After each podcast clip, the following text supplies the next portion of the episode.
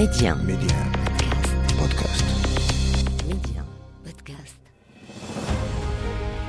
يقال من لا تاريخ له لا مستقبل له والتاريخ المغربي ماض مجيد يحفل بالوقائع والأحداث أفتح معكم أنا محمد الغول كتابه وأختار لكم منه كل أسبوع صفحة من صفحاته المشرقة صفحات من التاريخ ميدي 1 محمد الغول تاريخ المغرب أهلا بكم.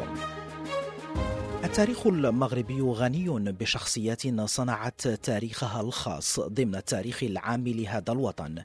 تاريخ هؤلاء تجاوز الحدود الجغرافية ليصنع تاريخا في أوطان أخرى في إطار التلاقح الثقافي والإنساني الذي طالما ميز المجتمع المغربي عبر تاريخه الغني. ومن هذه المجالات الغنية لتألق النبوغ المغربي نجد التصوف الذي تميز فيه رجالات كثر في التاريخ المغربي. تميزوا ليس فقط بأنهم كانوا متصوفين كبارا بل تميزوا بأنهم جعلوا للتصوف مدرسة مغربية خالصة. شجرة وارفة بالعلم والمعرفة امتدت أفرعها بالظلال الوارفة إلى مناطق بعيدة في القارة السمراء والمنطقة العربية وحتى آسيا. ولن نحصر الذكر إذا أردنا تذكر مشاهير من المتصوفين عبر العالم أصولهم من المغرب. لكن يمكن الإشارة على سبيل المثال لا الحصر إلى المتصوف الكبير والأشهر من بين أعلام التصوف ابن عربي واسمه بالكامل محي الدين محمد بن عربي قطب من أقطاب الصوفية ويلقب بالشيخ الأكبر. ولد في مرسية بالأندلس من أب أندلسي وأم آمازيغية. أخذ العلم في إشبيلية وانتقل إلى الشرق وزار الحجاز واستقر في دمشق إلى أن توفي بها ودفن في سفح جبل قاسيون. ويعتبر كتابه الفتوحات المكية أكثر الكتب الصوفية الموغلة في التعمق والرمزية.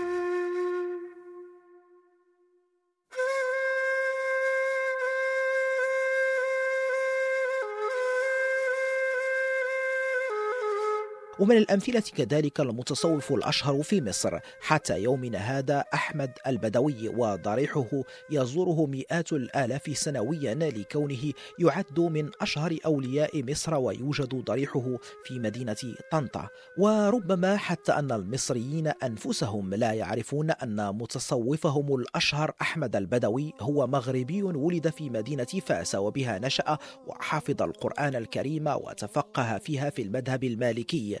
اصطحب أباه في رحلة للحج ليستقر بمدينة طنطا العام 637 للهجرة إلى أن مات بها. مقامه مزار مشهور ويعد المعهد الذي أسس باسمه من أعرق المعاهد الدينية للأزهر الشريف. ومن الأمثلة الكثيرة كذلك نجد أبي الحسن الشاذلي شيخ الطريقة الشاذلية وقد نشأ في منطقة شاذلة بالمغرب ثم خرج منها واستقر في عدة دول إسلامية إلى أن انتهى به الأمر في مدينة الإسكندرية بمصر. تتلمذ على يده عدد كبير من علماء مصر وتوفي في طريقه إلى الحج بمنطقة عذابة ودفن بها. ويمكننا أن نضيف العشرات من الأسماء لكبار المتصوفين في القارة والمنطقة الذين تعود أصولهم إلى المغرب. ولن نحصر عددهم بسهولة لأن الأمر يحتاج مجهودا بحثيا كبيرا جدا.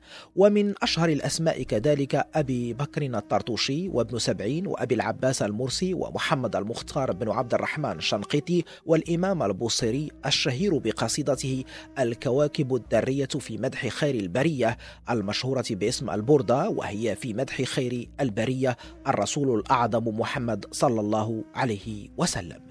بل إن المدرسة المغربية في مجال التصوف تميزت بما هو أكبر من ذلك بكثير جدا حيث أن النساء المغربيات كان لهن في هذا المجال نصيب وقصب ونذكر هنا على سبيل المثال الشيخة صالحة. وهي أم عبد الكريم فاطمة بنت الشيخ أبي الحسن سعد الخير بن محمد بن سهل الأنصاري البالنسي وتوفيت بمصر العام 600 للهجرة ودفنت بالقرافة بسفح المقطم غير بعيد عن القاهرة. وعلى كل ولإطلالة أوسع وأشمل وأعم على النبوغ والتميز المغربي في مجال التصوف يحتاج منا الأمر أعدادا كثيرة من تاريخ المغرب. لكن ربما قد يشفع لنا ضيق الوقت بأن تكون إطلالتنا المشرقة على هذا الجانب من التاريخ المغربي عبر بوابة رجل صنع لنفسه مدرسة لوحدها في مجال التصوف ورغم أن زمنا بعيدا يفصلنا عنه إلا أن اسمه لا زال حاضرا بيننا وفي معيشنا اليومي نحن المغاربة وهو ما سنكتشفه من خلال هذا العدد الجديد من تاريخ المغرب والمقصود هنا هو أبو العباس السبسي.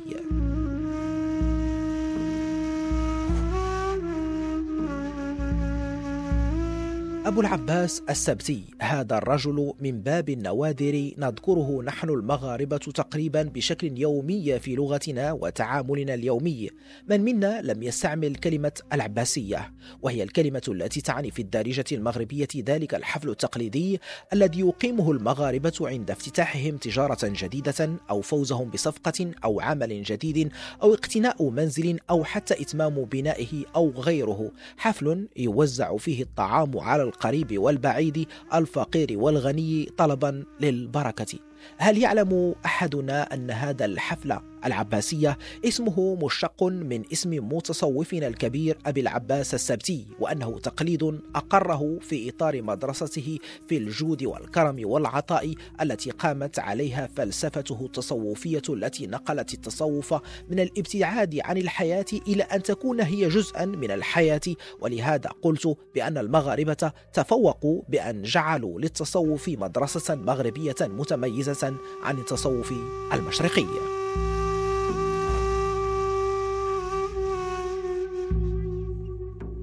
أبي العباس السبتي هو من مواليد مدينة سبتة شمال المغرب في العام 524 للهجرة الموافق للعام 1129 للميلاد أي خلال الفترة الزمنية التي شهدت ضعف الدولة المرابطية وبداية ظهور الدولة الموحدية.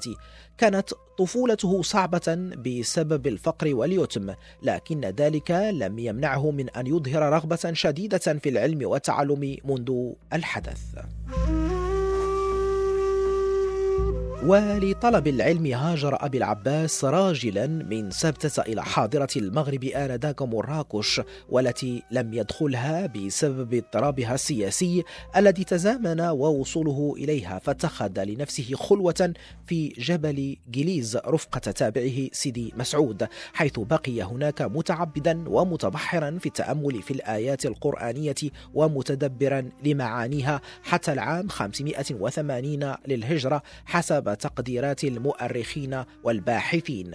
وخلال هذه الفترة نال شهرة واسعة وتقاطر عليه الأتباع والراغبون في الاستمطار من بحر علمه خاصة في ضوء مستجده في الحث على الجود والكرم والتصدق حتى أصبح يلقب بتاجر الله بين خلقه. وكان يسير بين الناس في الأسواق حاثا في البحث عن الفقراء والمحتاجين ومن يعيشون في ضائقة لمساعدته كما يحث الأغنياء على التصدق والإعالة ولم يقتصر على تشجيع الأثرياء على العطاء بل طالب كل من يملك ولو قليلا أن يتصدق على من لا يملك. ومن شهير كلامه في هذا السياق لتلامذته إنما أنا دلال خير وواسطة بين الخلق وخالقهم أدلهم على فضله وإحسانه. حتى أن أبي العباس يربط التوحيد والإيمان بالله في مفهومه بضرورة التضامن والإنفاق في وجه الخير وصدقته. شيخ المتصوفين محي الدين بن عربي في كتابه المعروف الفتوحات المكية عند حديثه عن أبي العباس السبتي يصفه بصاحب الصدقة بمراكش وكان ابن عربي قد التقى به وجالسه لمدة من الزمن. أما ابن الزيات في مرجعه الشهير التشوف إلى رجال التصوف فيقول في شأن أبي العباس إن شأنه من عجائب الزمان كان رحمه الله قد أعطي بسطة في اللسان وقدرة على الكلام لا يناظره أحد إلا أفحمه وكان سريع الجواب وكان جميل الصورة أبيض اللون حسن الثياب مفوها حليما صبورا. بينما خصه العلامة إبراهيم تعارج المراكشي في منظومته إظهار الكمال بعدة أبيات يقول فيها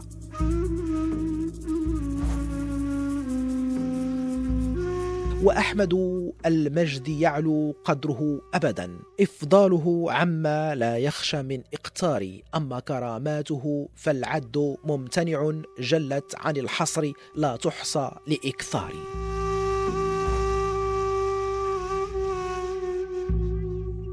كل هذا التميز والتفرد في مدرسة أبي العباس السبتية الفكرية والتصوفية جعلته حاضرا لا يختفي أثره بيننا حتى زمننا الحاضر رغم أنه توفي منذ زمن بعيد بتاريخ الاثنين الثالث من جمادى الثانية للعام 601 للهجرة الموافق للسادس والعشرين من يناير للعام 1205 بمدينة مراكش ليصبح أحد رجالاتها السبعة الذين صنعوا تاريخ المدينة وصنعوا التاريخ المغربي وتميزه ونبوة. للمزيد حول هذه الشخصية الفريدة في التاريخ المغربي نستضيف لكم الأستاذ مصطفى العوزي الباحث في مجال علم السوسيولوجيا. أستاذ مصطفى مرحبا بك على أمواج إذاعة ميديا وفي برنامج تاريخ المغرب. مرحبا بك أستاذ محمد ومرحبا بجميع مستمعي إذاعة البحر الأبيض المتوسط. أستاذ مصطفى نتناول بالحديث اليوم شخصية مهمة في التاريخ المغربي خاصة التاريخ المعرفي وتاريخ التصوف الغني في تاريخ هذا البلد المغرب. الأمر يتعلق بأبي العباس السبتي. ربما قد نستهل من المستهل أو المبتدأ وهو آه، نشأة هذا العلامة المتصوف آه، ونشأته كانت آه، هنا قرب مدينة طنجة حيث نتواجد حاليا في مدينة السبتة. آه، كيف كانت نشأة آه، أبي العباس السبتي أستاذ مصطفى؟ أبو العباس أحمد بن جعفر الخزرجي آه، السبتي. هو عالم ومتصوف وعابد وزاهد.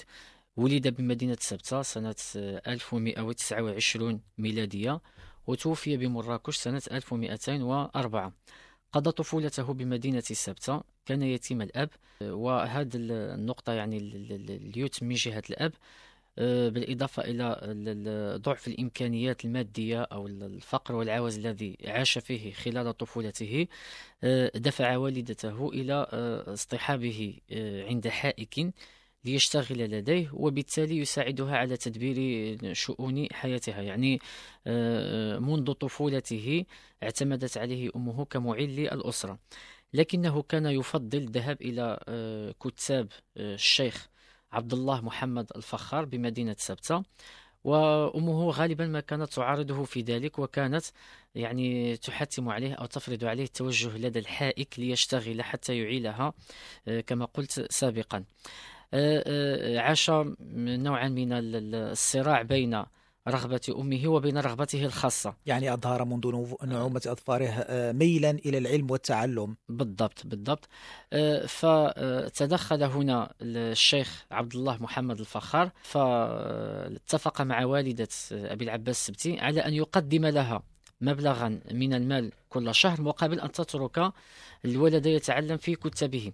هذا الحدث بالضبط أثر بشكل كبير في شخصية أبي العباس السبتي آه، بحيث أنه يعني في آه، في قادم الأيام أو في سنواته اللاحقة سيتذكر دائما الشيخ عبد الله آه، محمد الفخار بنوع من الحب وبنوع من العرفان حيث كان له الفضل الكبير عليه حتى يتمكن من التعلم و... كما علمه الكرم والإيثار مبكرا ربما. بالضبط. وبالتالي نعم أخذ عنه مذهب الكرم والعطاء والجود إلى غير ذلك. ثم حينما وصل سن السادسة عشر قرر السفر طلبا للعلم و المعرفة وبالتالي كانت وجهته هي مدينة مراكش. لكنه حينما هم بالدخول إلى مراكش وجدها محاصرة. ونحن نعلم أن الفترة التي آه، سافر فيها أبي العباس السبتي إلى مراكش هي الفترة الانتقالية ما بين الدولة المرابطية والدولة الموحدة. يعني الفترة التي شهدت انهيار الدولة المرابطية أو أفول نجم الدولة المرابطية وصعود الدولة الموحدة. يعني هي فترة آه، انتقالية. فحينما وجد مدينة مراكش محاصرة قرر آه، الصعود إلى جبل جيليس واعتكف هناك ومن هنا آه، بدأت رحلته في التصوف ورحلته في الزهد إلى غير ذلك. يعني مساره العلمي بدأه في سبتة وأنهاه في مدينة مراكش. بالضبط. آه، في هذا المسار العلمي هل يحتفظ التاريخ بأسماء علماء آه، يعني تسلمد على يدهم أو فقهاء تسلمد على يدهم؟ في الحقيقة يعني أبو العباس السبتي يعني في معظم المصنفات أو الكتب التي ذكرت فيها سيرته غالبا ما تم التركيز على مذهبه وليس على الجانب الشخصي من حياته. وبالتالي مثلا من بين أهم المراجع التي تحدثت عن أبي العباس السبتي هو كتاب التشوف إلى رجال التصوف لابن الزيات. آه، هنا ابن الزيات آه، ذكر آه، بعضا من حياة أبي العباس السبتي لكنه يعني فيما يخص العلماء أو المشايخ الذين تتلمذ على يدهم يعني ذكر بشكل مستفيض فقط الشيخ عبد الله محمد الفخار لأنه كما قلت هذا الرجل لم يكن آه، أستاذا أو شيخا لأبي العباس السبتي بقدر ما كان ملهما له يعني وملهما لمذهبه أيضا. فالحياة أبي العباس السبتي غالبا ما يتم التركيز فيها على جانب الجانب المتعلق بمذهبه يعني مذهبه في التصوف مذهبه في الكرم وفي الجود والعطاء إلى غير ذلك. آه، إذا ننتقل إلى آه، آه، مذهب أبي العباس السبتي في التصوف. وكما نعلم بأن أبو العباس السبتي شهرته تتجاوز المغرب إلى كل المنطقة العربية حتى مصر ومناطق أخرى. خاصة شهرته ترتبط بمبدئه في التصوف. ما ماذا يميز أو ما هي مميزات مبدئه في التصوف أستاذ مصطفى؟ نعم يعني غالبا حينما نتحدث عن المتصوفة يعني أو معظم المتصوفة آه، غالبا يعني ما تكون حياتهم آه، حياة متمركزة حول الذات. يعني آه، أغلب المتصوفة يعني يبنون مذهبهم على العلاقة بالله وبالتالي يعني التمركز حول الذات. إلا أبو العباس السبتي كان حالة استثنائية أو حالة نادرة. مذهبه قام على العطاء وعلى الجود. يعني كان رجلا كريما معطاء وكان يحث الناس على التصدق وعلى فعل الخيرات وعلى العطاء على العطاء بشكل كبير جدا. يعني من بين ما يحكى عن أبي العباس السبتي أنه كان مرة يعني يجلس مع صديقه بقرب باب دكانه. فمر متسول وطلب صدقة فقال أبو العباس للرجل تصدق عليه فإنما هو قد أخذ مكانك فالله حينما قسم الأرزاق أعطاك يعني أو أعطاك هذا المكان وأعطاه ذاك المكان فكان بالإمكان أن تكون مكانه هو يكون هو مكانك فتصدق عليه. إذا كان يحث الناس على الصدقة وعلى العطاء وعلى فعل الخير. ومن بين يعني من بين ما ذكر عليه أيضا أنه كان يعني يحث الناس ويحث يعني معظم الأشخاص يعني خصوصا التجار إلى غير ذلك يعني أن يجعلوا أول يوم حينما يفتتحون يعني آه، محلا تجاريا أو حينما يفتحون أو حينما يعني آه، يشرعون في تجارة جديدة أن يخصصوا اليوم الأول من تجارتهم للتصدق أو للصدقة. ومنه جاءت العباسية وهي من بين العادات المتوارثة أو العادات المعروفة لدينا في المغرب تسمى بالعباسية يعني العباسية نسبة إلى أبي العباس السبتي. شهرة أبي العباس في مذهب يعني أو مذهبه في الجود والعطاء آه، دفع الفيلسوف والعالم الشهير أبو الوليد بن رشد آه، إلى إلى إيفاد شخص من الأندلس إلى مراكش طلب منه ابن رشد أن يتقص له عن أبي العباس السبتي وعن مذهبه إلى غير ذلك. حينما عاد هذا آه، يعني هذا السفير إلى ابن رشد وأخبره يعني بما سمع وبما رأى وبما شاهد عن أبي العباس السبتي قال ابن رشد قولته الشهيرة قال هذا رجل مذهبه أن الوجود ينفعل بالجود. هذا رجل مذهبه أن الوجود ينفعل بالجود. يعني معنى هذا أن وجود الإنسان الحقيقي يرتبط بالجود والعطاء والكرم. فمثلا إذا يعني إذا قمنا بنوع من الإسقاط إذا كان الكوجيتو ديكارتي يقول أنا أفكر إذا أنا موجود. فمذهب أبو العباس السبتي أنا أجود إذا فأنا موجود. الأستاذ مصطفى العوزي الباحث في مجال علوم السوسيولوجيا شكرا جزيلا لمشاركتك القيمة معنا في تقريب متابعينا من هذا الجزء المتميز من تاريخ المغرب الذي تشكله شخصية أبي العباس السبتي. شكرا شكرا. متابعينا أذكركم أنه يمكنكم إعادة الاستماع لكل ما فاتكم من أعداد تاريخ المغرب عبر تحميل تطبيق ميديا بودكاست. لقاء قريب ينتظرنا بحول الله مع عدد جديد ومحطات جديدة مشرقة من التاريخ المغربي العظيم. ميدي 1 محمد الغول تاريخ المغرب.